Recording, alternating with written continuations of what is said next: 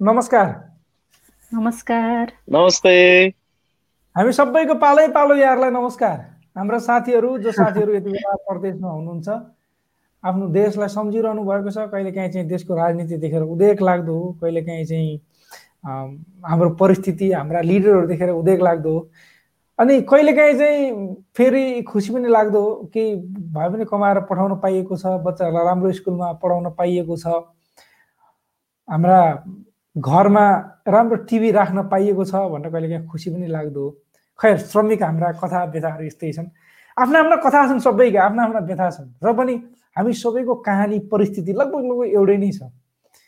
तपाईँ पनि त्यही काम गर्दै हुनुहुन्छ जहाँनिर तपाईँको सुपरभाइजरले अलिकति ढिलो काममा आयो भने आजको स्यालेरी काटिदिन्छ। र हामी पनि त्यही काम गर्छौँ जहाँ हाम्रो सुपरभाइजरले अलिकति ढिलो काममा आयो भने हाम्रो स्यालेरी काटिदिन्छ। हामी सबैको कथा उस्तै छ। हामीसँग पनि तिनै सरा छन् जुन तपाईँसँग छन्।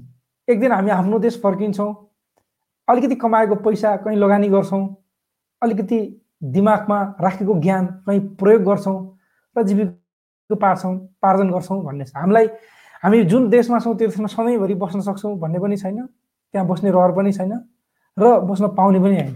त्यसैले हामी एक दिन फर्किनुपर्छ। जति बेलासम्म हामी यो देशमा बस्छौँ जति बेलासम्म हामी यहाँ छौँ प्रदेशमा छौँ प्रदेशका ठाउँमा हामी हाम्रो श्रम गरिरहेका छौँ त्यति बेलासम्मको हाम्रो बसाइ केही सहज होस् भन्ने उद्देश्यले हामीले यो लाइभ गर्ने गर्छौँ। श्रमिक सञ्जालको यो लाइभ हरेक आइतबार शुक्रबार र बुधबार आउने गर्छ। यति नै बेला तपाईँको फेसबुक युट्युब र फेसबुक एउटा ग्रुप छ त्यहाँनिर। तपाईँहरू हाम्रो लाइभलाई लाइक कमेन्ट र सेयर गर्न सक्नुहुन्छ। साथै तपाईँ कहाँबाट हुनुहुन्छ लेख्नु पनि होला। हामी आज पनि तिनजना छौँ। हामीसँग सुषमा हुनुहुन्छ युएबाट हरिकृष्ण सर हुनुहुन्छ। कुवेतबाट हामीले विविध जानकारीहरू तपाईँलाई दिनेछौँ। युएका केही कुराकानीहरू छौँ जुन कुराकानी नर्मली रूपमा जस्तै एटी फाइभ दिराममा तपाईँले कहाँ कहाँ भ्याक्सिन लगाउन सक्नु सक्नुहुन्छ? सरी भ्याक्सिन होइन पिसिआर टेस्ट गर्न सक्नुहुन्छ भन्ने एउटा छ भने अरू पनि केही जानकारीहरू छन्। त्यसै गरी कुवेतका अझै धेरै जानकारी छन्। साथै वैदेशिक रोजगार विभाग श्रम तथा रोजगार मन्त्रालयबाट एउटा सूचना छ जो प्रदेशमा विदेशबाट फर्केर नेपालमा आइसक्नु भएको छ। उहाँ साथीहरूलाई थियो पनि आज हामी प्रस्तुत गर्नेछौँ। साथै तपाईँका क्वेसनहरू पनि छन् नि। पहिला चाहिँ हामी अब लाग्छौँ कुवेततिर। हुन्छ सर अब चाहिँ कुवेत जाउँ हामी।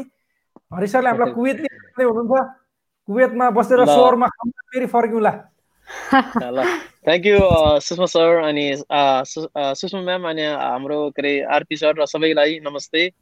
र सबभन्दा पहिला कुवेतको अपडेट भन्नुभन्दा पहिला नेपालमा पनि गृह मन्त्रालयले सूचना जारी गरेर भोलि जुन यो माए सङ्क्रान्तिको बिदा दिने भनेको छ होइन? र कुवेतमा पनि नेपाली दूतावास कुवेतले एउटा नोटिस निकालेर माए सङ्क्रान्ति अथवा माघी पर्वको शुभकामना सहित दूतावास चाहिँ भोलि बन्द रहने भनेर सूचना निकालेको छ। सायद युए पनि बन्द हुन्छ होला अथवा नेपालको गभर्मेन्ट बन्द हुने बित्तिकै अथवा बडी बन्द हुने बित्तिकै एम्बेसीहरू पनि बन्द हुन्छ। यो कुरालाई मैले यसो जानकारी सहित सम्पूर्ण साथीहरूलाई यो माघे सङ्क्रान्तिको शुभकामना भन्न चाहेँ होइन? र माघी भनौँ विशेष गरी मगर समुदायमा एकदमै धेरै एकदमै धेरै महत्त्वपूर्णको साथ हेरिन्छ यो यो चाडलाई। त्यसपछि कुवेतको सामान्य जानकारीहरू लिएर आएको छु। विशेष गरी अहिले अब कोभिड भ्याक्सिन विरुद्ध कोभिड विरुद्धको भ्याक्सिन जुन कुवेतमा चलिरहेको छ यो डिसेम्बर चौबिसदेखि अहिलेसम्म हिजोसम्म चाहिँ करिब बाह्र हजारजनाले यसको सुविधा लिएको भनिएको छ र कुवेत सरकारको यहाँको स्वास्थ्य मन्त्रालयले फेरि पनि यहाँ रहेका कुवेती नागरिकहरू र आप्रवासीहरूलाई नाम रजिस्टर गर्नको लागि अनुरोध गरेको छ। यो चाहिँ नि शुल्क भ्याक्सिनेसन हो। कसैले पनि लाउन सक्छ तर नाम दर्ता गर्दैमा भ्याक्सिनेसन पाइहाल्ने पनि हुँदैन किनभने त्यसको क्याटेगोरिजहरू अथवा त्यसको प्रायोरिटीमा पर्नुपर्ने हुन्छ होइन? फर्स्टमा चाहिँ फ्रन्ट लाइनहरूका मान्छेहरू जस्तो स्वास्थ्य कर्मीहरू सुरक्षा कर्मीहरूलाई भने त्यसपछि चाहिँ वृद्ध वृद्धहरूलाई अनि अथवा रोग भएकाहरूलाई प्रायोरिटी दिएको छ तपाईँहरूले पनि भर्नुहोला कुवेत सरकारले चाहिँ फेरि अनुरोध पनि गरेको छ। अनि अर्को कुरा चाहिँ विशेष गरी यो घरेलु कामदारहरू ल्याउने क्रम कुवेत सरकारले सात डिसेम्बरबाट सुरु गरेको थियो। तर पुनः एक्काइस डिसेम्बरदेखि एक जनवरीसम्म विविध कारणवश अथवा यो कोरोना भाइरसको अर्को स्टेज आएको भनेर चाहिँ सीमा बन्द गरेपछि ठ्याक्कै रोकिएको थियो जम्मा दुईवटा फ्लाइट आयो मनिलाबाट। र अहिले फेरि त्यसलाई रिभ्यू गरिएको छ र आज एउटा समाचार आएको छ। त्यसको कस्ट चाहिँ करिब करिब डबल हुने भएको छ अथवा घरेलु महिला कामदारहरूको लागि पहिला चाहिँ करिब करिब साढे चार सय केडी अथवा चार सय केडी भनेको थियो भने अहिले चाहिँ नौ सय नब्बे केडीदेखि पन्ध्र सय केडीसम्म लाग्न सक्ने भनेर भनिएको छ। त्यस कारण यसलाई रिभ्यू गर्ने सकेसम्म ल्याउनलाई सहज बनाउने चाहिँ भनिएको छ तर अलिकति यसलाई बढी खर्चिलो हुने भनेको छ। त्यसै गरी अर्को चाहिँ कुवेत आउनेहरूलाई यो जुन पिसिआर रिपोर्टको टाइम घटाइएको छ जस्तो पहिला चाहिँ रिपोर्ट आएको छयानब्बे घन्टामा कुवेत आउन पाइन्थ्यो अथवा चार दिनमा। भने अहिले चाहिँ चेकअप गरेको बहत्तर घन्टाभित्रमा। रिपोर्ट आएको होइन। तपाईँले कोरोना टेस्ट गर्नलाई गएर चेक गरेको बहत्तर घन्टामा कुवेत आइपुग्नु पर्ने हुन्छ। त्यसलाई घटाइएको छ। धेरै नै घटाइएको छ। यसको मतलब अलिकति कडा बनाइएको छ र कुवेतको एराइभलमै सबै आउने जुन यात्रुहरूलाई पुनः पिसिआर पनि गराइन्छ। त्यो चाहिँ कुवेत सरकारले फ्रीमा गराएको छ। र तपाईँहरूलाई यदि त्यो पिसिआर रिपोर्ट चाहिँ पोजिटिभ आएको खण्डमा सरकारले तोकेको क्वारेन्टाइनमा लान्छ भने नेगेटिभ आएको खण्डमा चाहिँ तपाईँहरू आफ्नै घरमा होम क्वारेन्टाइन बस्न सक्नुहुन्छ। त्यसै गरी अर्को एउटा चाहिँ विशेष गरी अहिले नेपाल लगायत पैँतिसवटा देशलाई सिधा उडानहरू बन्द गरेको छ कुवेतबाट। सबैलाई थाहै छ। नेपालबाट पनि धेरै नेपालीहरू युए हुँदै आउँदै हुनुहुन्छ। केही साथीहरू युएमा आएर पनि अड्किनु भएको छ। बिचमा यो एक्काइस तारिकदेखि एक तारिकसम्म बन्द हुँदाखेरि पनि अड्किनु भएको थियो भने अहिले केही साथीहरूलाई त्यहाँ आएपछि पनि पोजिटिभ देखिएको छ। हामीले चिनेको साथीहरू पनि हुनुहुन्छ। र अहिले आज एउटा समाचार आएको छ। यहाँको चाहिँ यो पब्लिक पब्लिक हेल्थ यो पब्लिक अफ मेन पावर भन्छ। यो त्यसपछि सिभिल इन्फर्मेसन भन्ने दुईवटा जुन एउटा बडी छ गभर्मेन्ट बडी उनीहरूले चाहिँ दिएको जानकारी अनुसार कुवेतभन्दा बाहिर कोभिडको कारणले अथवा विविध कारणले अड्किएका करिब तिन लाख आप्रवासीहरूको भिसा नवीकरण भएको छ। भनेको तिन लाख चाहिँ अझै पनि उहाँहरू आउन पाउनुहुन्छ। कारण हैसियत गाउनु भएको छैन उहाँहरू बाहिर भए पनि। तर कुवेतभन्दा बाहिर रहेर यो जुन भिसा नवीकरणको लागि एप्लाई गरेका अथवा रहेर बाहिर रहेर आउन चाहने तेत्तिस हजार चार सय चौधजनाको चाहिँ भिसा अथवा वर्क पर्मिटलाई क्यान्सल गरिएको छ भनेको छ। विविध कारणले जस्तो कम्पनीको फाइलहरूको कारणले अथवा उहाँहरूको कम्पनीले नचाहेको कारणले अथवा विविध कारणले भनेको छ तर पनि यो तिन लाख मान्छेहरूको चाहिँ भिसा रिन्यू गर्नुको कारण चाहिँ तिन लाख आप्रवासीको भिसा रिन्यू गर्नुको कारण चाहिँ यो लेबर लको कारणले पनि हो अथवा लेबरहरूलाई सम्मान गरेको नि हो भनेर भनिएको छ। र अर्को एउटा एकदमै दुःखको कुरा हुन त म कहिलेकाहीँ सेयर गरिरहेको हुन्छु हामीले लेखि पनि रह हुन्छौँ विभिन्न समय भनि पनि रह हुन्छौँ। एक सय चालिस ठुलो ठुलो ड्रम्सका रक्सीसहित नेपाली कामदारहरूको एउटा ग्याङ नै पक्राउ गरेको भनेर पुरै फ्रन्ट पेजमा आएको छ। एकदमै दुःख लाग्छ यहाँ सेयर गर्नु पर्दाखेरि। विशेष गरी यो कुवेतको सबैया भन्ने ठाउँबाट एउटा फ्याक्ट्री नै सञ्चालन गर्नुभएका नेपालीहरूलाई पक्राउ गरेको भनेको छ। तर उहाँहरू सबै अवैधानिक हुनुहुन्थ्यो अथवा अनडकुमेन्टेड हुनुहुन्थ्यो। तर कतिजना भनेर चाहिँ भनेको छन् तर केही महिला पुरुष पनि हुनसक्छ भएका छन् भनेर भनिएको छ। एकदम दुःख लाग्छ।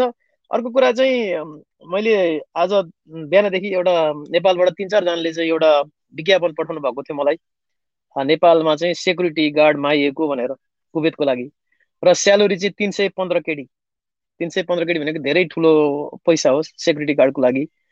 त्यो विषयमा तिन चारजना श्रमिकहरूले नेपालबाट चाहिँ आज पत्रिकामा आएको रहेछ विज्ञापन। उहाँहरूले मलाई पठाउनु भएको थियो। म मेन पावरको नाम त भनिनँ मैले अथवा कम्पनी नाम पनि भनिनँ। त्यसपछि मैले यहाँ कुवेतको नेपाली दूतावासमा पनि मैले त्यसलाई क्रस भेरिफाई गरेको थिएँ। बुझ्दाखेरि उहाँहरूको डिमान्ड चाहिँ दुई हजार बिसको जनवरीमै पास भएको रहेछ भनेको एक वर्ष भयो। डिमान्ड पास भएको। त्यही डिमान्डको आधारमा उहाँहरूले चाहिँ खास विज्ञापन गर्नुभएको होला। तर मैले यहाँ के बुझेको थिएँ अथवा म यो हाम्रो श्रमिक सञ्जालको लाइभबाट के भन्न चाहन्छु भने कुवेत सरकारले अहिलेसम्म नयाँ भिसाहरू इस्यु गर्न थालेको छैन।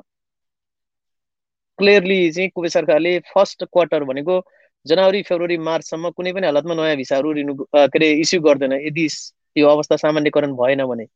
त्यस कारण अहिले नै अब यो विज्ञापन गरेर होइन श्रमिकहरूलाई चाहिँ पैसाहरू लिने अब ठुलो स्यालेरी देखाएर तपाईँको धेरै पैसा लिने यस्तो खेल हुनसक्छ त्यस कारण तपाईँहरू पनि यसरी अब विशेष गरी कुवेतमा चाहिँ है अब अन्त चाहिँ जस्तो कतारमा पनि सुरु गर्ने भनेको छ तर अझै पनि सुरु भएको छैन। युएमा चाहिँ भिजिट भिसामा आउन त धेरै साथीहरू पहिलेदेखि आइसक्नु भएको छ। तर कुवेतको हकमा चाहिँ दुई हजार बिसको पहिलो क्वार्टरभित्र मार्चसम्म चाहिँ कुनै पनि हालतमा नयाँ भिसा इस्यु हुँदैन। त्यस कारणले तपाईँहरूले नझुक्किनु होला अथवा त्यसरी मेन पावरले बोलाए पनि क्लियरली बुझेर सबै कुराहरू गरेर मात्रै जानु होला भन्न चाहे। करिब करिब यति हो आरपी सर आजको लागि। आरपी सरको म्युट छ। हजुर सर सरी फर द्याट एकैछिन पखाउनु होला। हजुर जाने भन्ने कुरा थियो। जाने भन्ने कुरा भन्नु एउटा क्वेसन छ। दिकेश साथीले सोध्नु भएको। त्यो क्वेसन म उठाइहाल्छु। तपाईँ फेरि अरू क्वेसन आएन भने तपाईँ जानु पनि सक्नुहुन्छ अथवा टाइम छ पनि सक्नुहुन्छ। अलिक लामै थियो त्यो क्वेसन म त्यो क्वेसन तारा राणा हुनुहुन्छ। उहाँले म्याडमले क्वेसन पढ्नु होला। सुषमा? म्याम हजुर तारा राणाजीले लेख्नु भएको छ सबैलाई नमस्ते मेरो एउटा क्वेसन छ हरि सरलाई। म अहिले कुवेतबाट नेपाल जाँदैछु। फिनिस जान्छु भनेको दिँदैन छुट्टीमा जा भन्छ। म यो कम्पनीमा नआउने सोच गरेको छु। पासपोर्टमा फिनिस नगरी नेपाल गए फेरि कुवेत आउन कति समयपछि आउन सकिन्छ होला? थाहा पाउन पाए आभारी हुने थिएँ भन्नुभएको छ। यसमा एकदम क्लियरली के हो भने तपाईँहरू जस्तो तपाईँ हामी जो पनि भिसा क्यान्सल नगरिकन घर जान नै सक्छौँ क्यान्सल गरेर जान सक्छौँ। अब कम्पनीले कहिलेकाहीँ क्यान्सल गर्नलाई विभिन्न प्रोसिजर हुन्छ अथवा उहाँहरूले चाहिँ आफ्नो इम्प्लोइ चाहिएर पनि भनेको होला होइन?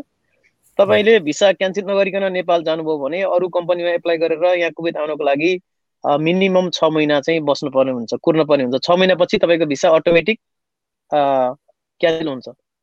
कुनै पनि कुवेतको भिसा होल्डरहरूले छ महिनाभन्दा बढी कुवेतभन्दा बाहिर बसेपछि अटोमेटिक क्यान्सल हुन्छ तपाईँ आउनु पाउँछ तर तपाईँ विरुद्ध कम्पनीले रनवे केस अथवा कुनै पनि केसहरू छैन अथवा तपाईँको कुनै पेमेन्ट ड्यू जस्तो बाइकको बैङ्कबाट कतै ऋण लिएको अथवा जुन टेलिफोनहरू अथवा यो टेलिकम्युनिकेसन सम्बन्धी बिलहरू त्यस्तो बिलहरू पेन्डिङ छैन भने तपाईँ सजिलैसँग आउनु पाउनुहुन्छ। तर तपाईँ घर जाँदै हुनुहुन्छ तपाईँको मोबाइलको बिलहरू चढिरहेको छ अथवा बैङ्कको इन्स्टलमेन्टहरू चलिरहेको छ भने चाहिँ तपाईँ आउनु पाउनुहुन्न। त्यसबाट तपाईँ जाँदै हुनुहुन्छ भने क्यान्सलै नगरिकन गए पनि आफ्नो मोबाइलका लाइनहरू चाहिँ बन्द गरेर जानु होला अथवा तिर्नुपर्ने कुराहरू तिरेर क्लियर गरेर जानुभयो भने चाहिँ तपाईँ सजिलैसँग आउनु पाउनुहुन्छ। तर मिनिमम छ महिना चाहिँ तपाईँले वेट गर्नुपर्ने हुन्छ। नयाँ कम्पनी आउनुलाई अहिले तत्कालको लागि कोभिडको लागि भिसा पनि खुलेको छैन। त्यही भएर तपाईँलाई सजिलै पनि होला। अहिलेको कन्डिसनमा पनि सेम हो जस्तै छ महिनापछि नपाइने। जस्तै युएमा के छ भन्दा छ महिना क्रस भए पनि मार्चसम्म अलिकति यो कोभिडले गर्दा चेन्ज भएको थियो। अहिले अब कोभिडले गर्दाखेरि चे चेन्ज भएको तर यो विषयमा ठ्याक्कै अब एकपटक एमबिसीमा पनि मैले यो विषयमा धेरै पटक सोधेको छु किनभने पछाडि नेपाल पुगेर जनवरीको आठ तारिकभन्दा पहिला जानेहरूलाई चाहिँ पछि जानेहरूलाई चाहिँ आउन दिने भनेको एक वर्षभन्दा नि माथि भएको मान्छेहरू आइरहेको छन् अहिले चाहिँ। तर अब कोभिडको कारणले नर्मल रुल्स नर्मल टाइमको रुल चाहिँ छ महिना हो है। त्यो मात्र नभए नर्मल चाहिँ छ महिना कन्ट्रीहरूको त्यही नै हो सायद। कोभिडको कारणले काहीँ अब प्लस माइनस भयो भने अर्को कुरा हो तर नर्मली रुल चाहिँ त्यो हो होइन? अब कोभिड पनि सामान्यकरण हुँदैछ। सायद त्यही रुल्स नै फलो हुन्छ होला पक्कै पनि। Thank you sir thank you so much अब हामी फेरि युएतिर लाग्छौँ। युएबाट सुषमा म्याडमले त्यहाँनिर तपाईँ यदि अहिले कोभिड नाइन्टिनको टेस्ट गराउन चाहनुहुन्छ कोभिड टेस्ट गराउन चाहनुहुन्छ भने भ्याक्सिनका कुरा आइरहेका छन् त्यो भएर भ्याक्सिनको कुरा निस्कन खोजिहाल्दो रहेछ मुखबाट। भ्याक्सिनेसन त तपाईँ लाउन पाउनु नै हुन्छ अस्ति हामीले भनिसकेका छौँ कहाँ कहाँ छ सेन्टरहरू भनेर। तर तपाईँले यदि टेस्ट गराउन चाहनुहुन्छ पिसिआर पिसिआर टेस्ट भने एटी फाइभ दिराममा तपाईँले लगाउन सक्नुहुन्छ। कुन कुन ठाउँहरू छन् हामीले पेजमा पनि सेयर गरेका छौँ। तपाईँ यहाँ पनि हेर्न सक्नुहुन्छ अथवा कुराकानी सुन्न सक्नुहुन्छ। म्याडमले केही ठाउँहरूको नाम भन्नुहुनेछ। त्यसपछि त्यो ठाउँको लोकेसन पनि त्यहाँ दिएको छ त्यो लोकेसन कसरी पत्ता लगाउने? गुगल म्यापबाट तपाईँलाई म त्यो पनि सिकाउने छु। हजुर म्याडम त्यो ठाउँहरू सो मच आरपी सर। नमस्कार सम्पूर्णमा श्रमिक सञ्जाल हेरेर बस्नुभएको साथीहरूमा। आज म हरि सरलाई पहिलो प्रायोरिटी दिइसकेको छु। सरको अलिकति कामको कारणले गर्दा हरि सर गइसक्नु भएको छ। युएको धेरै न्युजहरू पनि आज त्यति थिएनन् त्यही भएर कुवेतबाट सरले अपडेट गर्नुभयो। विशेष पिसिआर सम्बन्धी अलिकति छ अस्ति धेरैजना साथीहरूले चाहिँ सोध्नु भएको थियो पिसिआर टेस्ट कतिमा गर्न सकिन्छ होला? अभि धेरै जसो साथीहरूले चाहिँ अबुधाबी जानको लागि हामीलाई पिसिआर टेस्ट गर्नुपर्ने हुँदा कति लाग्छ होला भन्नुभएको थियो। अब एक्ज्याक्ट चाहिँ हामीले कति होला भन्ने कुरा त्यति बेला पनि अलिकति हामीलाई एक्ज्याक्ट थाहा नभएको कारणले भनेनौँ। यहाँ अपडेट आएअनुसार चाहिँ युएमा पचासी दिराममा चाहिँ पिसिआर टेस्ट गर्न सकिने भनेर अपडेट आएको छ र यहाँ एरियाहरू पनि तोकिएको छ। जस्तै दुबईमा सिटी वाकमा भयो यसको चाहिँ टेन एएम टु एट पिएमसम्म त्यहाँ कन्ट्याक्ट नम्बर लोकेसन पनि दिएको छ जुन हामीले श्रमिक सञ्जालमा सेयर गरिसकेको छौँ यो चाहिँ अपडेटको लागि। त्यसै गरी मिना रासिद अनि अल खवानिज र अबुधाबीको एरिया रहेको छ Zayed sport city Al Alwathba screening centre त्यसै गरी अल बाहिया स्क्रिनिङ सेन्टर त्यसै गरी Al अलसमका screening centre Abu Dhabi Corniche र Al Al Ain Al Hili screening centre अलाइनमा Asharej screening centre Al Dhafra Madinat Zayed यो एरियामा अरू पनि धेरै एरियाहरू दिएको छ। हजुरहरूले चाहिँ पेजमा हेर्न सक्नुहुनेछ। यो चाहिँ कहाँ गर्न सकिन्छ होला भनेर अस्ति धेरैजना साथीहरूले सोध्नु भएको थियो र हामीले पिसिआर टेस्ट कतिमा गराउन सकिन्छ होला भन्नुभएको थियो। एट्टी फाइभ दिराममा चाहिँ हामीले त्यहाँ दिएका एरियाहरूमा गएर चाहिँ कन्ट्याक्ट गर्न सक्नेछौँ र अरू साथीहरूले पनि यहाँ कोभिडको भ्याक्सिनेसनको बारेमा पनि कुराहरू उठाइरहनु भएको थियो।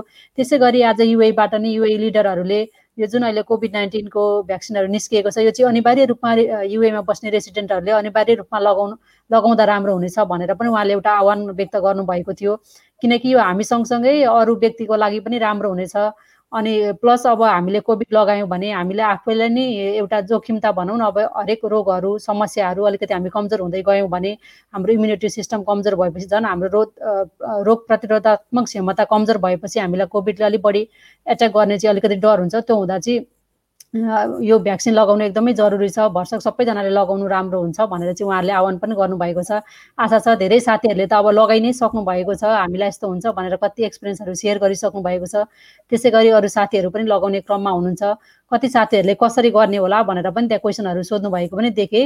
हामीले त्यहाँ साइडमा गएर ट्रोल फ्री नम्बरहरू छ। त्यहाँ गएर चाहिँ त्यहाँ कन्ट्याक्ट गरिसकेर कसरी गर्ने रजिस्टर गर्न के गर्ने भन्ने कुराहरू पनि हामीले रिसर्च गरेर चाहिँ एपोइन्टमेन्ट लिन पनि सक्छौँ।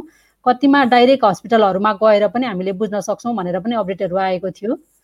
यस्तै कुराहरू रहेको छ आरपी सर त्यसै गरेर अर्को अस्ति मैले फुजेरामा सुनाएँ जस्तै यो स्पेसली टिचरहरूको लागि भनेर चाहिँ अजमानमा एउटा अजमानमा चाहिँ यस्तै स्क्रिनिङ सेन्टरहरू चाहिँ खोल्न गइरहेको छ जस्तै यो चाहिँ रहेको छ।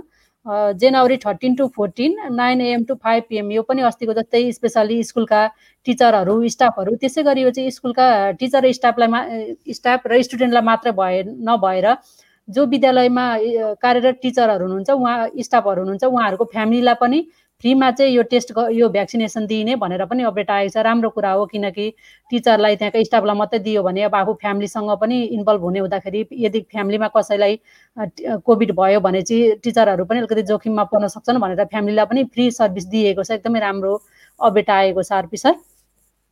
यस्तै कुराहरू रहेको छ अपडेटहरू युएको?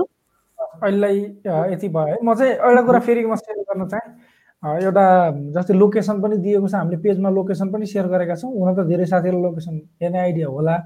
होइन भने म तपाईँलाई अलिकति लोकेसनको थोरै सेयर जुन कोभिड नाइन्टिनको स्वाप दिएर रिपोर्ट निकाल्ने एटी फाइभ दिनमा कहाँ छ भन्ने लोकेसन कसरी देख हेर्ने भन्ने विषयमा अलिकति तपाईँलाई देखाउँछु। त्यसै गरी दुबईको कुराकानी गर्ने दुबईमा एउटा रुल्सको कुराकानी आएको थियो हामीले त्यहाँ लेख्यौँ पनि। र वैध श्रम तथा रोजगार फोरम सुरक्षा रोजगार मन्त्रालय यो अलि लामो छ नाम यादै नहुँदो रहेछ। त्यसले एउटा सूचना निकालेको छ जो वैदेशिक रोजगारीबाट नेपालमा फर्केर आफ्नो व्यवसाय गरेका व्यवसायीहरूलाई यदि कसैले अरूलाई रोजगार प्रदान गरेको छ अथवा सेवा सुविधा उत्पादन गरेर समाजलाई केही दिएको छ भने उहाँहरूलाई पुरस्कृत गर्ने भनेर भनेको छ त्योमा तपाईँको सहभागिता कसरी हुनसक्छ त? त्यो सानो सूचना छ त्यो सूचना पनि हामी तपाईँलाई भन्नेछौँ।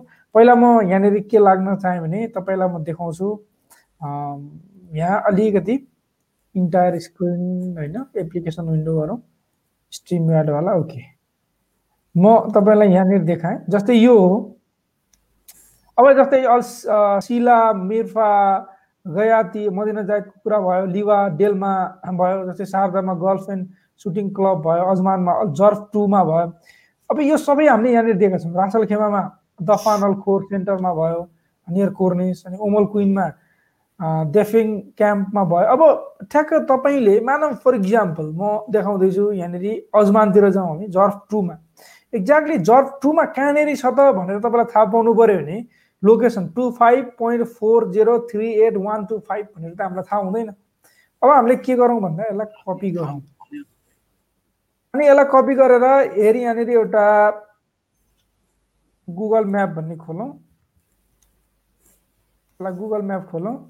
गुगल म्याप खोलिसकेपछि यसलाई के गरौँ भन्दाखेरि जुन कपी गरेको चिज छ त्यसलाई गुगल म्यापमा हेरी यहाँनिर पेस्ट गरिदिउँ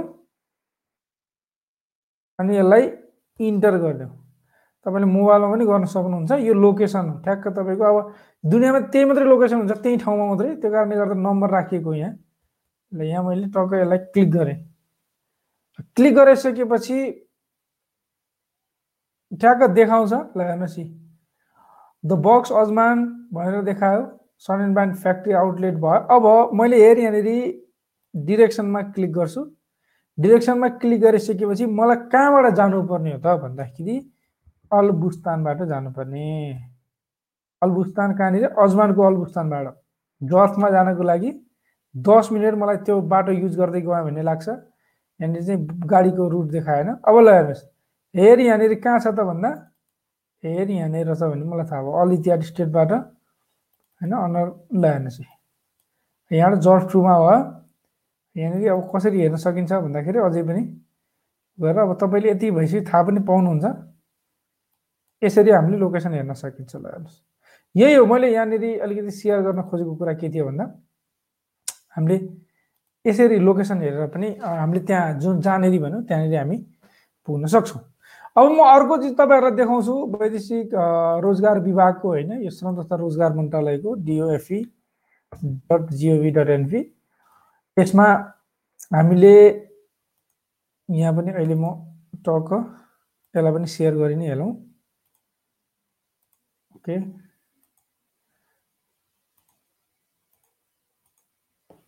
कोही साथीहरू हुनुहुन्छ यति बेला वैदेशिक रोजगारीबाट फर्केर आफ्नो देशमा केही गरिरहनु भएको छ? भने उहाँहरूको लागि श्रम रोजगार तथा सामाजिक सुरक्षा सुरक्षा मन्त्रालयले वैदेशिक रोजगारीबाट फर्केर स्वदेशमा उद्यम गरेका उद्यमीलाई राष्ट्रिय सम्मान तथा पुरस्कारको लागि आवेदन दिने सूचना प्रकाशित गरेको छ। अठाइस गते यो सूचना प्रकाशित गरिएको हो। पुसको अठाइस गते। यसलाई तपाईँले एक्काइस दिनभित्र आवेदन दिनुपर्ने हुन्छ। आवेदन दिनको लागि info at the rate MOLESS dot GOV dot पठाउन सक्नुहुन्छ। स्क्यान गरेर यसको अलिकति डिटेलमा एमओएलइएसएस डट जिओभी डट एनपीमा पनि हेर्न सकिन्छ अथवा फोन गर्न सकिन्छ। फोन गर्नलाई अलिकति झन्झट होला। कोही साथीहरू हुनुहुन्छ भने फोनै गरेर बुझ्न पनि सकियो। यो तपाईँ आफू त हामी त विदेशमा छौँ त विदेशबाट फर्केर अहिले हेरिरहेका छौँ भने हामी साथीहरूलाई काम लाग्न सक्यो। योग्यता भनेको नेपाली नागरिक हुनु पऱ्यो त्यो हामी हौ नै। सबैजना जसले नेपाली हाम्रो लाइभ हेराउनु भएको छ। श्रमिक भिजामा विदेश गए कम्तीमा एक वर्ष काम गरी फर्केको हुनुपर्ने। यसको मतलब यहाँनिर श्रम लिएर हुनुपर्छ। जस्तै भिजिट भिसामा गएर काम गरेको लागि यहाँनिर मान्यता दिँदैन किनभने श्रम गरेको हुनु पर्यो विगत पाँच वर्षभित्र यस मन्त्रालयबाट कुनै पनि पुरस्कार प्राप्त नगरेको हुनुपर्ने सायद हामी छौँ होला त्यस्तै नै। र यसको लागि चाहिने चिजहरू नागरिकताको प्रतिलिपि चाहियो श्रम स्वीकृतिको प्रतिलिपि चाहियो भिजा सहितको राजधानीको प्रतिलिपि चाहियो व्यवसाय दर्ता प्रमाणको प्रतिलिपि चाहियो अनि कर दर्ता प्रमाणको प्रतिलिपि चाहियो। अहिले आर्थिक वर्ष छत्तर सतहत्तरको कर चुक्ता जुन आजदेखि सकियो आज आजसम्म दिनुपर्ने थियो त्यो। सक्यो पनि दिन त पाइन्छ फेरि पनि अलिकति फाइन तिरेर। यसअघि पुरस्कार प्राप्त गरेको छैन भन्ने सो घोषणा सहितको एउटा पेपर पनि तपाईँले त्यो जम्मा गर्नुपर्ने हुन्छ। त्यति गऱ्यो भने तपाईँ पुरस्कारको लागि अब आवेदन दिन सक्नुभयो पुरस्कार पाउने नपाउने भनेको त्यहाँनिर जजमेन्ट हुन्छ। त्यसपछि दिने हो यति मान्छेलाई भन्ने भयो भने पाइकेला। हामी आशा गरौँ जसले हामीले साथीले हेर्नु भएको छ यही सूचनालाई आधारमा उहाँले आवेदन दिनुहुनेछ र उहाँले पाउनुहुनेछ। अब हामी लाग्छौँ छब्बिस मिनट पनि भयो। म्याडम अब के गरौँ? क्वेसनतिर लागौँ? यति बेला हाम्रा साथीहरू हामीलाई हेर्दै हुनुहुन्छ फेसबुक युट्युब र हाम्रो ग्रुप छ फेसबुकमा श्रमिक चौतारी भन्ने। त्यहाँबाट साथै तपाईँ हाम्रो अडियो पनि सुन्न सक्नुहुन्छ। Anchor FM Google podcast Apple podcast Spotify लगायतका विभिन्न ठाउँहरूमा हामीले हाम्रो यो लाइभको अडियो पनि तपाईँहरूले सुन्न सक्नुहुन्छ। एकजना साथी हुनुहुन्छ नारायण सरिता कुँवर। उहाँ जुमेराबाट हुनुहुन्छ पाम जुमेराबाट गजबको ठाउँ। ओके अरू को को साथी हुनुहुन्छ? हामी एकजना साथीले क्वेसन गरेको थिएँ एन्सर पाइनँ भन्नुभएको छ उहाँले। हामी के क्वेसन हो? बिर्सिएछ कि? उहाँ साथीले अहिले यहाँ हेर्दाखेरि उहाँ जस्तै लाग्यो मलाई फेसमा। उहाँले चाहिँ के अरे कोभिड कोभिड नाइन्टिनको जुन अहिले आएको भ्याक्सिनेसन चाहिँ कसरी लगाउने होला भनेर गर्नुभएको छ। हजुरले चाहिँ डिएचएमा गएर त्यहाँ टोल फ्री नम्बर हुन्छ त्यसमा गएर कन्ट्याक्ट गरेर सोध्न सक्नुहुनेछ कसरी गर्ने भनेर बुझ्नु होला हजुर। एप स्टोर डाउनलोड गर्नुहोस् एकपल्ट यो डिएचएको त्यसपछि टोल फ्री नम्बर पनि हुन्छ। त्यहाँ हामीले च्याट पनि गर्न सकिनेछ कसरी गर्ने भनेर। अनि त्यहाँ फर्म भर्नुपर्ने हुन्छ। त्यो फर्म फिलअप गरिसकेपछि चाहिँ हजुरले अनि एपोइन्टमेन्ट लिन सक्नुहुन्छ। एकजना साथीको क्वेसन छ यहाँनिर। त्यसै गरी कार्की सुता जिएनजीले लेख्नु भएको छ नमस्कार सबैजनालाई अनि माघे सङ्क्रान्तिको शुभकामना छ। भ्याक्सिन लगाएर नेपाल जाँदा अनि नेपालबाट फर्किँदा अबुधाबीमा क्वारेन्टाइन बस्नुपर्छ कि पर्दैन होला जानकारी पाए हुन्थ्यो भन्नुभएको छ। अहिलेसम्म त बस्नु नै पर्ने नै छ। त्यस्तो नबस्ने भन्ने केही नियम छ र सर? छैन जस्तो लाग्छ जहाँसम्म त किनकि हजुर सर ग्रिन अस्ति आएको छ नि ग्रिन कन्ट्रीहरू भनेर तोकिएको छ? त्यसमा चाहिँ क्वारेन्टाइन चाहिँ बस्नु नपर्ने तर पिसिआर टेस्ट चाहिँ गर्नै पर्ने भनेर पनि अघि अपडेट आएको थियो। त्यसको लागि मात्रै हामीलाई त तोकिएको छैन त्यही भएर हामीले बस्नै पर्छ।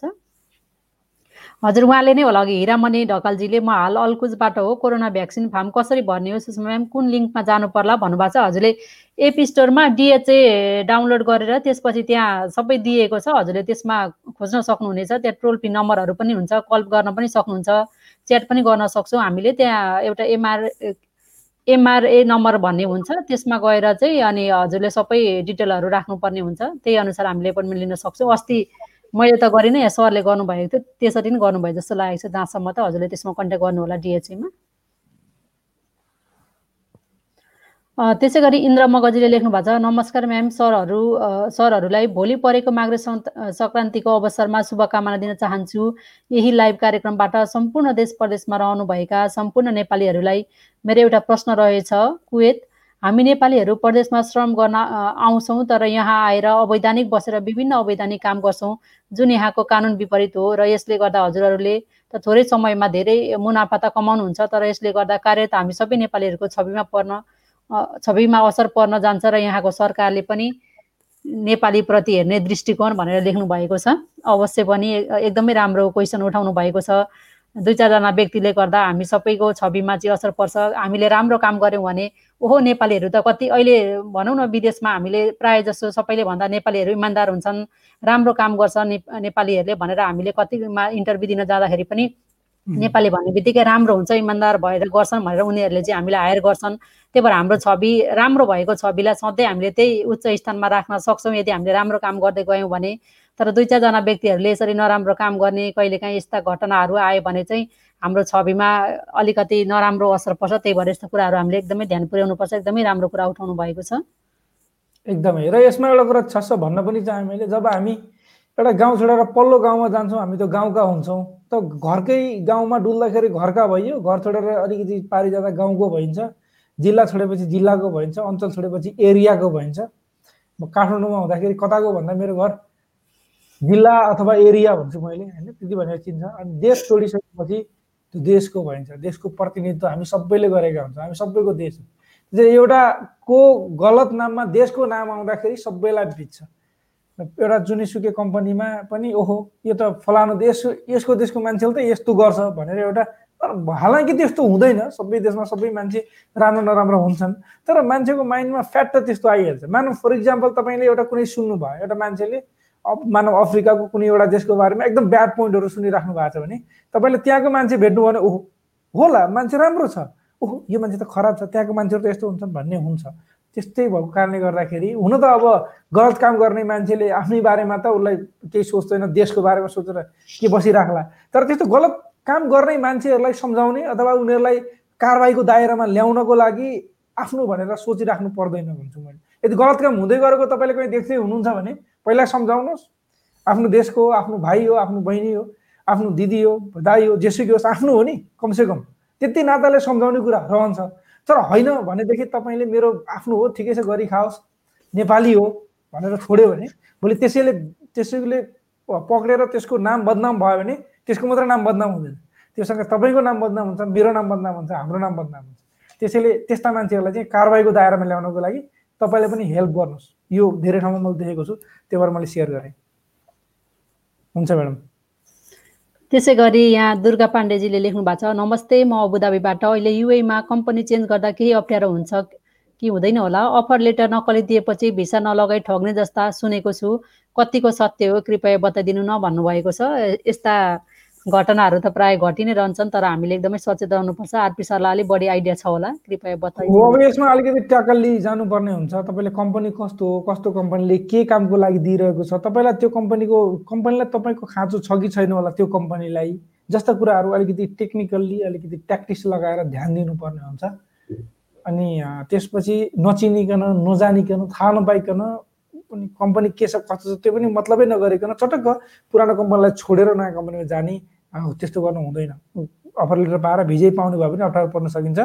तर एज रुल्स अनुसार कस्तो पनि हुन्छ भने तपाईँले कुनै कम्पनीमा अफर लेटर पाउनुभयो भने त्यो अफर लेटरको भ्यालिडिटी वान मन्थ हुन्छ। अथवा एक महिनासम्म तपाईँलाई त्यो कम्पनीले तपाईँलाई यदि जब दिएन भने त्यो महिना त्यो समयभित्र तपाईँले फेरि यमएचआरमा कम्प्लेन पनि गर्न पाउनुहुन्छ। त्यस्तो रुल्स पनि हुन्छ उनीहरूलाई तर फेरि अर्को एउटा रुल्स के हुन्छ भने तपाईँले यता अफर लेटर पाउनुभयो बी भन्ने कम्पनीबाट मानव ए कम्पनीमा काम गर्नुहुन्छ बीबाट अफर लेटर पाउनुभयो अब बीमा तपाईँले एक महिनाको नोटिस पिरियड दिनुपर्ने हुन्छ। एक महिनाको नोटिस पिरियड यता हुन्छ बीमा बीमा तिस दिनको तपाईँको अफर लेटर सकिन्छ। यस्तो अवस्थामा समझदारी आएपछि र कम्पनीले होइन मलाई चाहिएन मलाई एक महिना कति पनि सक्यो मलाई मान्छे अर्को चाहियो अब यो भएर म राखेँ भनिदिएला यस्ता यस्ता अवस्थाहरू भने तपाईँले कम्पनीको इन्टेन्सन तपाईँको कामको महत्त्व कम्पनीलाई कति छ जस्ता चिजहरू बुझ्नु भयो भने हुन्छ। तर अर्को एउटा कुरा पैसाको लागि हो भने ठग्ने चान्स धेरै हुन्छ। जस्तो फ्रीको कुरा भयो फ्रीमा कसैले रिक्रुटमेन्ट अथवा काम लाउँदैछ भने। पैसाको लागि तपाईँलाई अफर लेटर दियो जस्तै तपाईँले अहिले मानव पन्ध्र सयको जब गरेर राख्नु भएको छ अर्को कम्पनीमा के भने म पच्चिस सयको जब लगाइदिन्छु भने तपाईँलाई अफर लेटर दियो।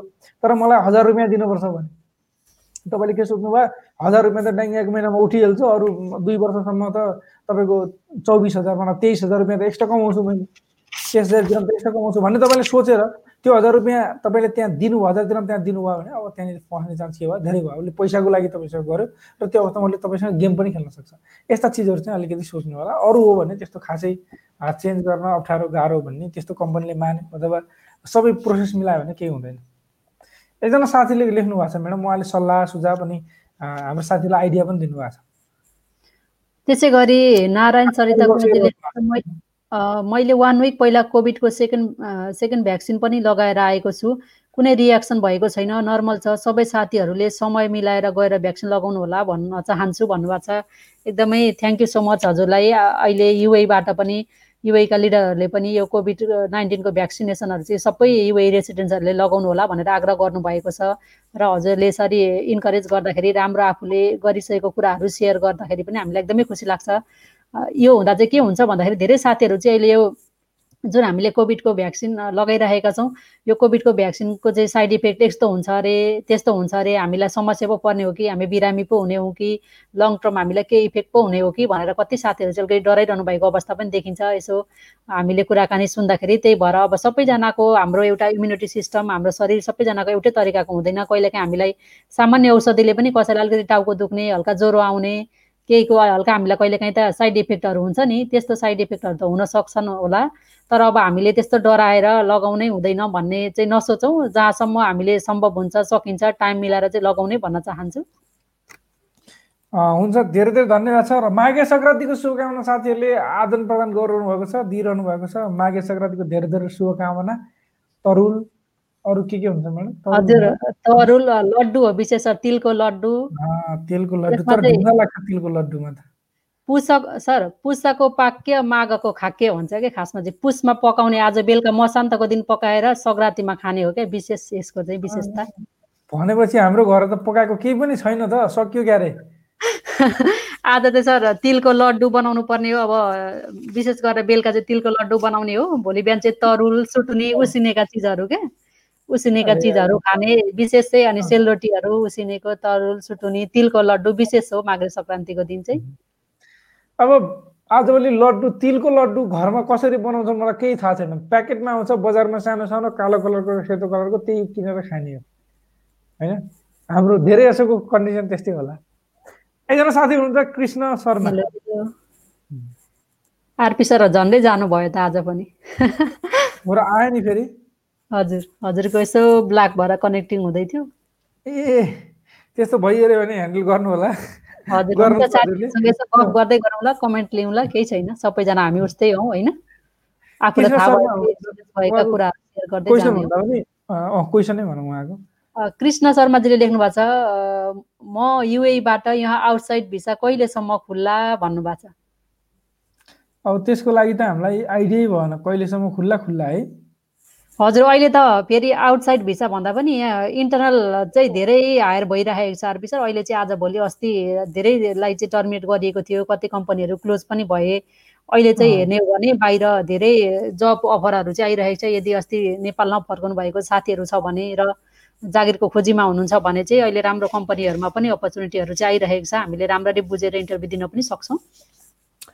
यदि साथीहरू कन्ट्री भित्रैबाट हुनुहुन्छ भने बाहिरबाट मान्छे नल्याउने कन्ट्रीको डिसिजन राम्रो पनि हो एक हिसाबले। किनभने जब चेन्ज गर्ने धेरै अवसरहरू पाइन्छ। कन्ट्री बाहिरबाट हुनुहुन्छ र जब अहिलेको लागि खोजिरहनु भएको हो भने अहिले हुनसक्छ त्यति राम्रो सिचुएसन आउनसक्छ किनभने अलिक पछि भएपछि अलिक राम्रो पे को जब पाइएला अहिले नपाइन पनि सक्छ। त्यसैले यसको बारेमा अलिक ध्यान दिनु होला र भिजिट भिसामा दुबई आउँदै हुनुहुन्छ भने त साह्रै दुःख लाग्दो कुरा। तपाईँ हामी सधैँ भन्ने गर्छौँ हामीले मात्रै होइन अरूले पनि भन्छन्। आज दिउँसो भर्खर एकजना साथीले म्यासेज गर्नुभएको थियो। दुईजना भाइहरू थिए अरे उहाँका गाउँका भनेर उहाँको भनाइ मैले भन्दैछु। दुईजना साथीहरू हुनुहुन्थ्यो अरे। उहाँहरूलाई नेपालबाट युएमा ल्याएर अजमानको कोर्नेसमा ल्याएर छोडिदियो अरे। दलाल कता गयो के कसो केही थाहा छैन। उहाँले त्यो जो भिजिटमा आउनुभएको उहाँलाई कोर्नेसमा भेटेर आफ्नो रुममा लगाएर राख्नु भएको छ उहाँले भन्नुहुन्छ मैले अलिकति उहाँको बारेमा डिटेल पठाउनु होला भनेर उहाँलाई भनेको थिएँ। भन्न खोजेको मतलब तपाईँ हामीलाई जति सजिलोसँग सम्झाइन्छ देखाइन्छ बुझाइन्छ जो युएमा हुनुहुन्छ युएको मार्केट देखिरहनु भएको छ या जो यसरी कोर्नेसमा ल्याएर छोडिनु भयो उहाँहरूलाई त पक्कै थाहा छ। तर आफूलाई नम्बरी नम्बरी स्वर्ग देखिन्न भने जस्तो दुःख नपरेकन आफूलाई भन्छ यिनीहरूले भन्ने हुन्छ। होइन जस्तै विदेशमा काम गर्ने मान्छेहरू वा समुद्रको छेउमा गएर राम्रो राम्रो टक टक फोटो खिचेर फेसबुकमा हाल्दाखेरि अनि विदेशमा दुःख छ भन्दाखेरि आफूले चाहिँ मस्ती गरिरहेछ उसलाई चाहिँ दुःख छ भन्छ भनेर सोच्ने मान्छेहरू हुन्छन् पक्कै पनि। तर कहाँनिर कतिको चिजमा के चाहिँ छ भन्ने कुरा एनालाइज गर्नु त जरुरी छ। त्यसरी भिजिट विषयमा तपाईँ पहिलोचोटि त्यही पनि अरू केही थाहा छैन स्किल पनि राम्रो छैन। भनेदेखि अरूको भरमा यसरी आएर त गाह्रो हुन्छ नि त होइन? त्यही भएर यस्तो चिजहरूमा चाहिँ ध्यान दिनु होला। आत्तिनु हुँदैन यो कोभिड पछि पनि तर भिजिट भिसामा धेरै आउने साथीहरूको क्रम चाहिँ एकदमै जारी रहेछ भन्ने कुरो मैले अस्ति प्रत्यक्ष रूपमा देखेँ। चार पाँचजना हजुर। नेपालीहरू अस्ति चार पाँचजनासँग मेरो प्रत्यक्ष नै कुराकानी भएको थियो। उहाँहरू पनि कसरी आउनु भयो त भन्दा होइन आउन मन भइसकेपछि जसरी पनि सेटिङ मिलिहाल्छ नि आउन त समस्या भएन हुनुहुन्थ्यो होइन? आउन त समस्या भएन तर यहाँ आइसकेपछि चाहिँ हामीले समस्या भोगेर त्यत्रो लगानी गरिसकेर आएर जागिर भेट्यौँ भने त ठिकै हो तर भेटिएन र पछि बिचमा फर्कनु पर्दा अब नेपालमा कति हामीले आफ्नो साथमा पैसा हुँदैन ऋण गरेर ल्याएका हुन्छौँ त्यसको अब ब्याज बढ्दै जान्छ झन् हामी त्यो ठुलो समस्यामा पर्छौँ त्यही भएर बरु बुझेर अलिकति वेट गरेर यहाँबाट पनि पछि धेरै भ्याकेन्सीहरू गयो भने कम्पनीहरू बुझेर हामी चाहिँ आउन सक्छौँ नि केही समयपछि। एकजना साथी हुनुहुन्छ मदन राज देवकोटा। त्यसै गरी मदन राज देवकोटाले लेख्नु भएको छ अबुधाबी जान मलाई टु आवर्स लाग्छ। के लेख्नु भएको छ? मेडिना जाइड पासपोर्ट रिन्यू गर्नु थियो। कति दिराम लाग्छ होला? के के चाहिन्छ होला? पेपर भन्नुभएको छ। तपाईँको पासपोर्टै बोकेर आउनु होला। अबुधाबी आउँदाखेरि दुई घन्टा लाग्छ सही हो। अनि तपाईँले नागरिकताको कपी पनि लिएर आउनु होला र एउटा फारम पनि सायद एमबिसीमै भर्न पाइन्छ होला त्यो फारम चाहिँ। फोटो पनि त्यहाँ खिच्न पाइएला अथवा फोटो फेरि पासपोर्टको लागि चाहियो होइन त्यहाँ फोटो खिच्ने काम त भइ नै हाल्छ तपाईँले चाहिने तिनै हुन् पैसा दुई सय दिएर लाग्छ रिन्यू गर्नको लागि अरू के चाहिन्छ? त्यही हो अरू केही चाहिँदैन। तपाईँको रिन्यू गर्ने भनेपछि हराउने फाट्नेहरूको लागि अलग्गै सिस्टम छ त्यो सिस्टम अहिले भनिनँ मैले। त्यसै गरी राम लक्ष्मी बस्नेजीले लेख्नु भएको छ सर म्याडम नमस्कार म युएबाट हेर्दैछु म युए आएको एक वर्ष भयो। म भिजिटमा आएको थिएँ। म यहाँ आएर एकपटक एक्जिट गएर भिजिट भिसा रिन्युवल गरेँ। त्यसपछि कोरोना आयो अनि म इनसाइड कन्ट्री भिसा रिन्युवल गरिरहेको छु। अब फेरि भिजिट भिसा सकिन लाग्यो रिन्युवल गर्ने बेला भयो अनि सर यो भिजा रिन्युवल या भिजिट भिसा कति पटकसम्म लगाउन मिल्छ? यसको बारेमा बताइदिनु न भन्नुभएको छ। मलाई आइडिया भएसम्म तिनचोटि हो। अब अहिलेको कन्डिसनमा केही चेन्जहरू हुन सक्छन् कोभिड नाइन्टिनको कारणले। एकचोटि हामीभन्दा पनि तपाईँले ट्राभल एजेन्सी जहाँनिर तपाईँले भिजा लगाउनु भएको थियो त्यहाँ सोद्धा पनि हुन्छ यसको बारेमा। अझै डिटेलमा थाहा पाउनुहुनेछ त्यहाँबाट। जहाँसम्म छ यो रुल्स चाहिँ पहिला तिनचोटिसम्म लाउनु पाउने भन्ने एउटा रुल्स थियो। अब कहिलेकाहीँ केही चिजहरू अलिकति चेन्ज हुन सक्छन् त्यसै गरी यहाँ एकजना साथीले एउटा जानकारी दिनुभएको छ। शिव रिमालजीले उहाँले युट्युबबाट हेरिरहनु भएको छ। युए रसल खैमा नाकिलको एक्सपो सेन्टरमा कोभिड चेक फ्री अनि भ्याक्सिन पनि free time nine nine AM to सोह्र पिएम भन्नुभएको छ उहाँले। चार बजेसम्म भन्नुभएको छ। अर्को साथी हुनुहुन्छ कृष्ण पन्थी त्यसै गरी कृष्ण पन्थीजीले भन्नुभएछ सार्जा गल्फ एन्ड सुटिङ क्लबमै आइरहन कोभिड नाइन्टिनको भ्याक्सिन लगाइदियो एघार एक एक्काइसको भन्नुभएको छ उहाँले यति एक एघारको भन्नुभएको छ। एघार तारिकमा लाउनु भयो उहाँले भ्याक्सिन हजुर। कुनमा भन्नुभयो भने अँ, हजुर। गल्फ एन्ड सुटिङमा भन्नुभएछ। शारजा गल्फ एन्ड सुटिङ हजुर यहाँ पहिले कोभिडको पिसिआर टेस्टहरू पनि गराइन्थ्यो। ओके ओके अर्को एकजना साथी हुनुहुन्छ उहाँको क्वेसन त्यसै गरी चिन्तामणि घिमिरेजीले लेख्नु भएको छ नमस्कार सर म अबुधाबीबाट हजुरहरूलाई यही प्रश्न धेरैचोटि सोधेको छु म घरको भिसामा काम गर्छु योभन्दा तिन वर्ष पहिला म क्यान्सिल गएर अहिले भिजिटमा आएर सेम मालिककोमा भिसा लगाएर लगाएको छु अब अनलाइन श्रमबाट मेरो श्रम हुन्छ कि हुँदैन होला भन्नुभएको छ जहाँसम्म लाग्छ हुँदैन तर पनि तपाईँको हुन्छ हुँदैन भनेर थाहा पाउनको लागि एकचोटि तपाईँको पासपोर्ट नम्बर हालेर उहाँहरूको वेबसाइटमा फेमिस्ट भन्ने वेबसाइट जुन छ सफ्टवेयर त्यसमा चेक गर्नुपर्ने हुन्छ। मलाई लाग्छ तपाईँको बायोमेट्रिक र जुन फिङ्गरप्रिन्ट र आँखाको स्क्यान छ त्यो सिस्टममा नर्मली हुँदैन धेरैको छैन। मैले त कतिको चेक गरेँ। दुई वर्ष पहिला मात्रै श्रम गरेर विदेश आउनुभएको साथीहरूको पनि छैन।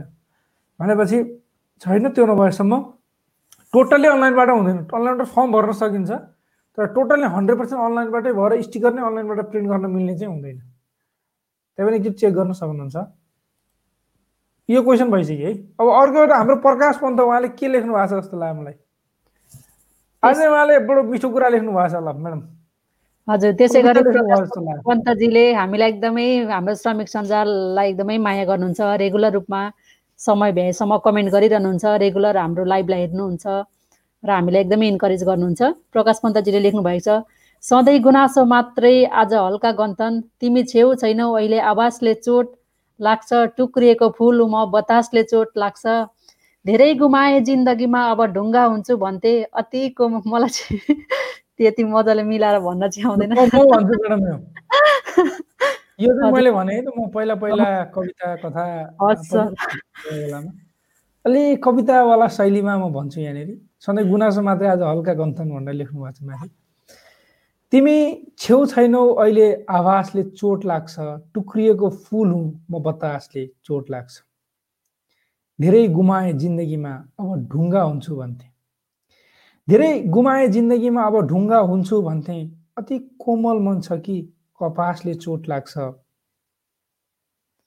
टुक्रिएको फुल हुँ म बतासले चोट लाग्छ। अँध्यारोमा बस्ने बानी परेपछि के लाग्छ? अँध्यारोमा बस्ने बानी परेपछि के लाग्छ? सानो सानो जुनकिरीको प्रकाशले चोट लाग्छ। टुक्रिएको फुल हुँ म बतासले चोट लाग्छ। आफै बस्ने घर पनि पर जस्तो लाग्छ मलाई। आफै बस्ने घर पनि पर जस्तो लाग्छ मलाई। परदेशी हुँ कहिलेकाहीँ आभासले चोट लाग्छ। फुल हुँ म टुक्रिएको फुल हुँ म बतासले चोट लाग्छ। ज्यानै दिँदा पनि तिमी कसम खाऊ भन्छौ। ज्यानै दिँदा पनि तिमी कसम खाऊ भन्छौ। कहिले तिमीले म माथि गर्ने विश्वासले चोट लाग्छ। टुक्रिएको फुल हुँ म बतासले चोट लाग्छ। तिमी छेउ छैनौ अहिले। आवाजले चोट लाग्छ। टुक्रिएको फुल हुँ म बतासले चोट लाग्छ। मैले आज ठ्याक्कै गजल भन्ने तरिकाले भने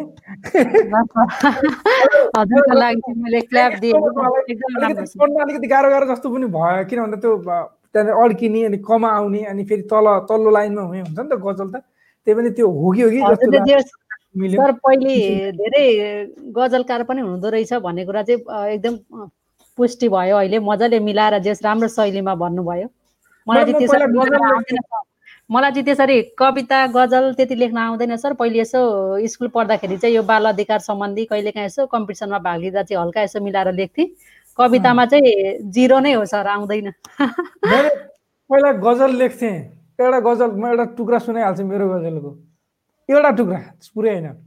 यता डेरा उता डेरा कति डेरा सार्यौ तिमीले? यता डेरा उता डेरा कति डेरा सार्यौ तिमीले जति डेरा सारे पनि मेरै छेउमा पार्यौ तिमीले भन्ने एउटा गजल लेखेको थिएँ मैले धेरै वर्ष भयो कलेज पढ्ने बेलामा म कलेज पढ्दाखेरि गजल कविता एकदमै इन्ट्रेस्ट थियो मलाई बिस्तारै बिस्तारै साहित्यले पेट पालिँदो रहेछ भन्ने फिल हुन थाल्यो र चिजलाई चाहिँ कम्ती गर्न थालियो तर आजभोलि आउँदाखेरि चाहिँ साहित्य कहीँ न कहीँ कुनै ठाउँमा काम लाग्छ भन्ने चाहिँ लाग्छ फेरि खैर यी साहित्यका कुरा अरू बेला फेरि गरौँला उहाँको साथीको कुराले यी कुराहरू पनि आए। थ्याङ्क यू सो मच उहाँलाई धेरै धेरै धन्यवाद छ। अर्को एकजना साथीको क्वेसन हामी लिने कोसिस गर्दैछौँ यहाँनिर। ओके उहाँले सायद उहाँले एउटा जानकारी दिनुभएको छ। Thank you so much madam पढ्न सक्नुहुन्छ यो? हजुर वाङ्गे लामा डङजीले लेख्नु भएको छ। नाम पनि कस्तो अप्ठ्यारो जस्तो लाग्यो पढ्नलाई। सायद हामीले सही पढ्यौँ पढेनौँ। नेपालमा छुट्टीमा गएर आइसी एप्रुभ नआए युए आउन नसक्नु नआएर युए आउन नसक्नु भएको मित्रहरूलाई कम्पनीले बोलाएको छ भने आउन सक्नुहुन्छ। आउँदा कम्पनीको एचआरको फोन नम्बर लिएर आउनुहोला। एयर अरेबियाबाट आउन सक्नुहुन्छ।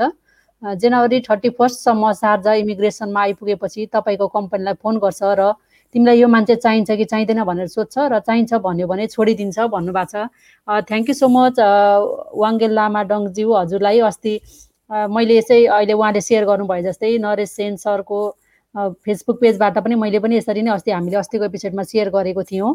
कति साथीहरू चाहिँ आइसी एप्रुभल नआएको कारणले गर्दा फर्किनु पर्यो भनेर पनि हामीले त्यस्तो फर्कनु पर्यो भन्दा पनि अड्काउनु पर्यो। एउटा झिँगाले मलाई साह्रै दुःख दियो यहाँ। पनि अनि उहाँले त्यसरी सेयर गर्नुभएको थियो।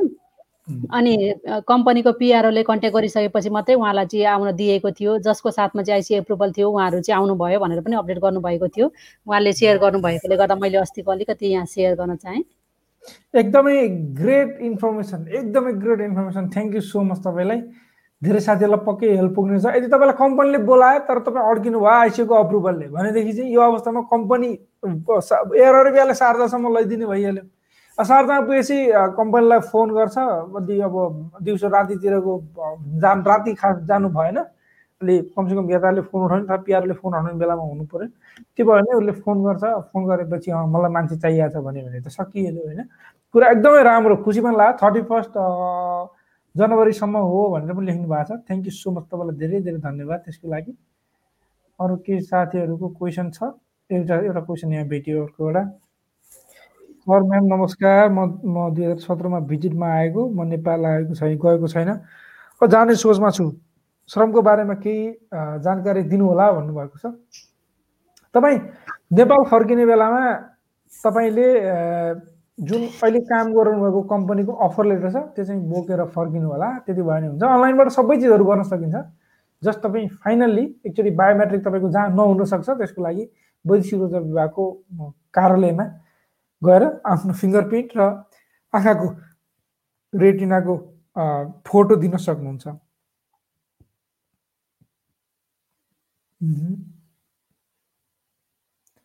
अरू अरू अरू क्वेसनहरू पनि थियो होला यहाँ धेरै नै।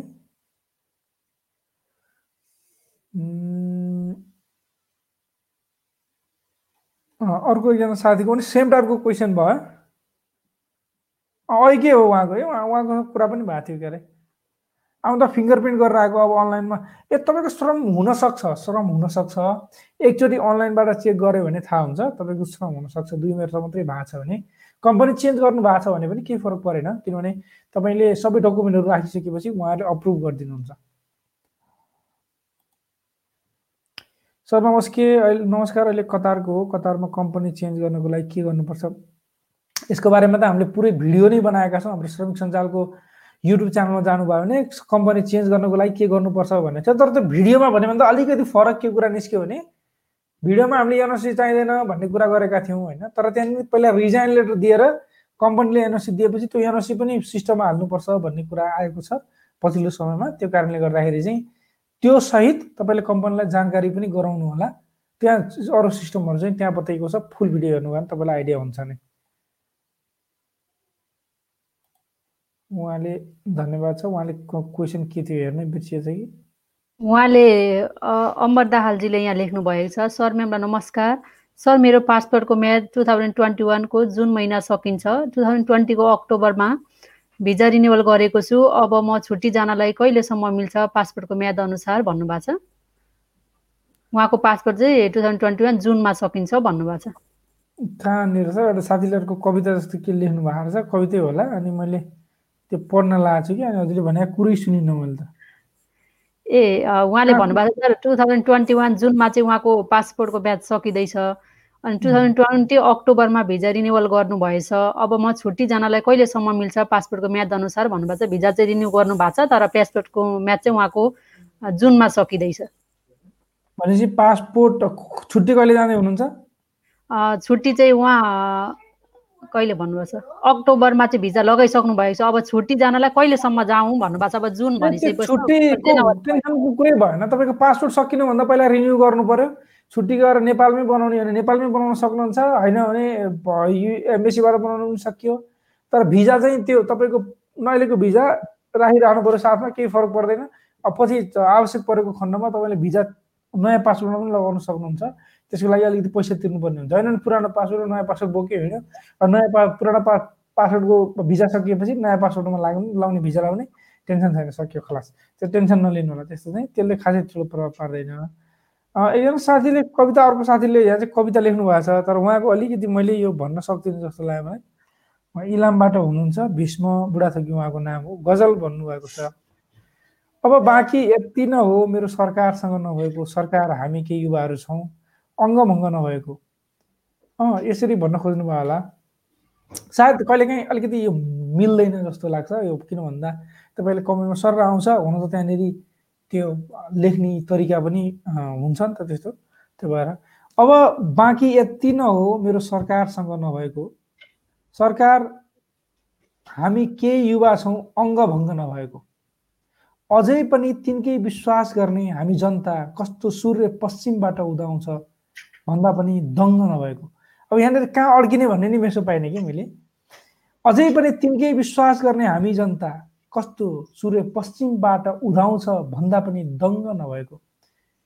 हामीलाई बटुवा मान्छु अब प्रेमिका मान्दिन। तिमीलाई बटुवा मान्छु अब प्रेमिका मान्दिन। म हाम्रो भाग्यमा नभएको र जो मसँग नभएको। तिमी अमृत थियौ सबको मुखमा पस्ने अवसर मिल्यो। म त्यही पानी हुँ जो कुनै आकार नभएको रङ नभएको। यहाँनिर अलिकति सरी मैले एक्ज्याक्टली पढ्न जानिनँ। यसको लागि एक्सट्रिमली सरी तपाईँको गजललाई अलिकति मिलाएर त्यो तलमाथि जुन ठक्क ठक्क हुन्छ नि तपाईँले रङ दङ त्यो जुन मिलाएर लेख्नु भएको छ थ्याङ्क यू सो मच त्यसको लागि। राम्रो छ एकदम राम्रो छ समय सान्दर्भिक छ सुहाउँदो पनि छ। तर मैले त्यो ऊ भएको कारणले गर्दा कि त अलिकति एक्स्ट्रा टाइपले राखेर हामी कुनै शुक्रबार गरौँला गजलको बसाइ एक दिन। अनि तपाईँ हामी तपाईँ जोडिएर आफ्नो गजल आफै भन्नु होला यता हामी साहित्यिक शुक्रबार चाहिँ हामी गफ गफ गर्छौँ आउने शुक्रबार पनि गर्छौँ हामी पर्सि। त्यसमा हामी गफ गफ गर्छौँ कुराकानी गर्छौँ एक आपसका सल्लाह सुझावहरू गर्छौँ। हामी भन्छौँ तपाईँले गीत गाउन चाहनुहुन्छ भने गीत पनि गाउन सक्नुहुन्छ। अनि क्वेसन सोध्ने साथीहरू चाहिँ धेरै आउनुहुन्छ। आफ्नो ट्यालेन्ट अथवा आफूलाई मनमा लागेका कुराहरू सेयर गर्ने कविता साहित्यको माध्यमबाट चाहिँ कमाउनुहुन्छ। हामी चाहन्छौँ त्यो दिन तपाईँ पनि आउनुहोस्। र आफ्नो गजल आफै भन्नुभयो भने अझै मिठो सुनिन्छ। तपाईँ जुन भावले लेख्नु भएको हुन्छ अरू बुझ्नेहरूले त्यो सेम भावले नबुझिदिन सक्छ। यदि तपाईँले आफ्नैले भन्न पा आफ्नो आफ्नो रचना आफूले भन्दाखेरि एउटा अलगै त्यसको फिलिङ्स आउँछ है त्यो भएर पनि हुन्छ। सर त्यसै गरी गजलहरू लेख्दाखेरि कविताहरू लेख्दाखेरि पनि भर्षक यो अहिले परदेशी जीवनसँग सम्बन्धित खालको लेख्नुभयो भने अझ हाम्रो प्रोग्राम अलिकति प्रभावकारी हुन्छ जस्तो लाग्छ। हो हो एक्ज्याक्टली मैले एकचोटि कविता लेखेको थिएँ म सात समुद्र पारी आइपुगेँ जहाज चढेर अनि त्यति बेला आउँदाखेरि सबभन्दा पहिला मेरो फिलिङ्स के थियो भने साउदी अरबको जेद्दा भन्ने ठाउँमा म झरेँ। त्यहाँबाट नेपालमा त सानो सानो बाटो एकदम कम स्पिडमा कुद गाडी कुद्ने त्यहाँ एक सय बिसको स्पिडमा मलाई गाडीमा राखेर जाँदाखेरि त्यो फिल अनि गइसकेपछि जहाँनिर म मलाई सुत्ने ठाउँ दिएको थियो म बिहान पख पुगेको थिएँ अनि त्यहाँनिर झरेर त्यहाँ बस्दाखेरि टाढा टाढा हेऱ्यो कहीँ डाँडा काँडा कुहीँ छैन होइन? घरका घरको स्ट्रक्चर हेऱ्यो। हाम्रो त ढोका हुन्छ हो बार्तली हुन्छ यत्रो ठुल्ठुलो झ्यालहरू यत्रो हुन्छ त्यहाँनिर झ्याल पनि देखिँदैन। बार्तलीको त कुरै छोडौँ त्यस्तो देख्दाखेरि उरास लाएर मलाई। अनि त्यति बेला कविता लेखाएको थिएँ मैले कविता कता राखेँ कुनै बेला भेट्यो भने फेरि सेयर गरौँला त्यस्ता कविता भयो भने तपाईँको अनुभवका कुराहरू तपाईँका कुराहरू आउने शुक्रबार हामी सेयर गरौँला तपाईँ सहभागी हुन सक्नुहुन्छ। आजको लागि समय यति नै गरौँ होला म्याडम अरू कुनै छ त्यस्तो एकदम इम्पोर्टेन्ट हजुर सर यस्तै क्वेसनहरू छ सबै साथीहरूले प्रायः जसो कमन टाइपकै क्वेसनहरू हुन्छ।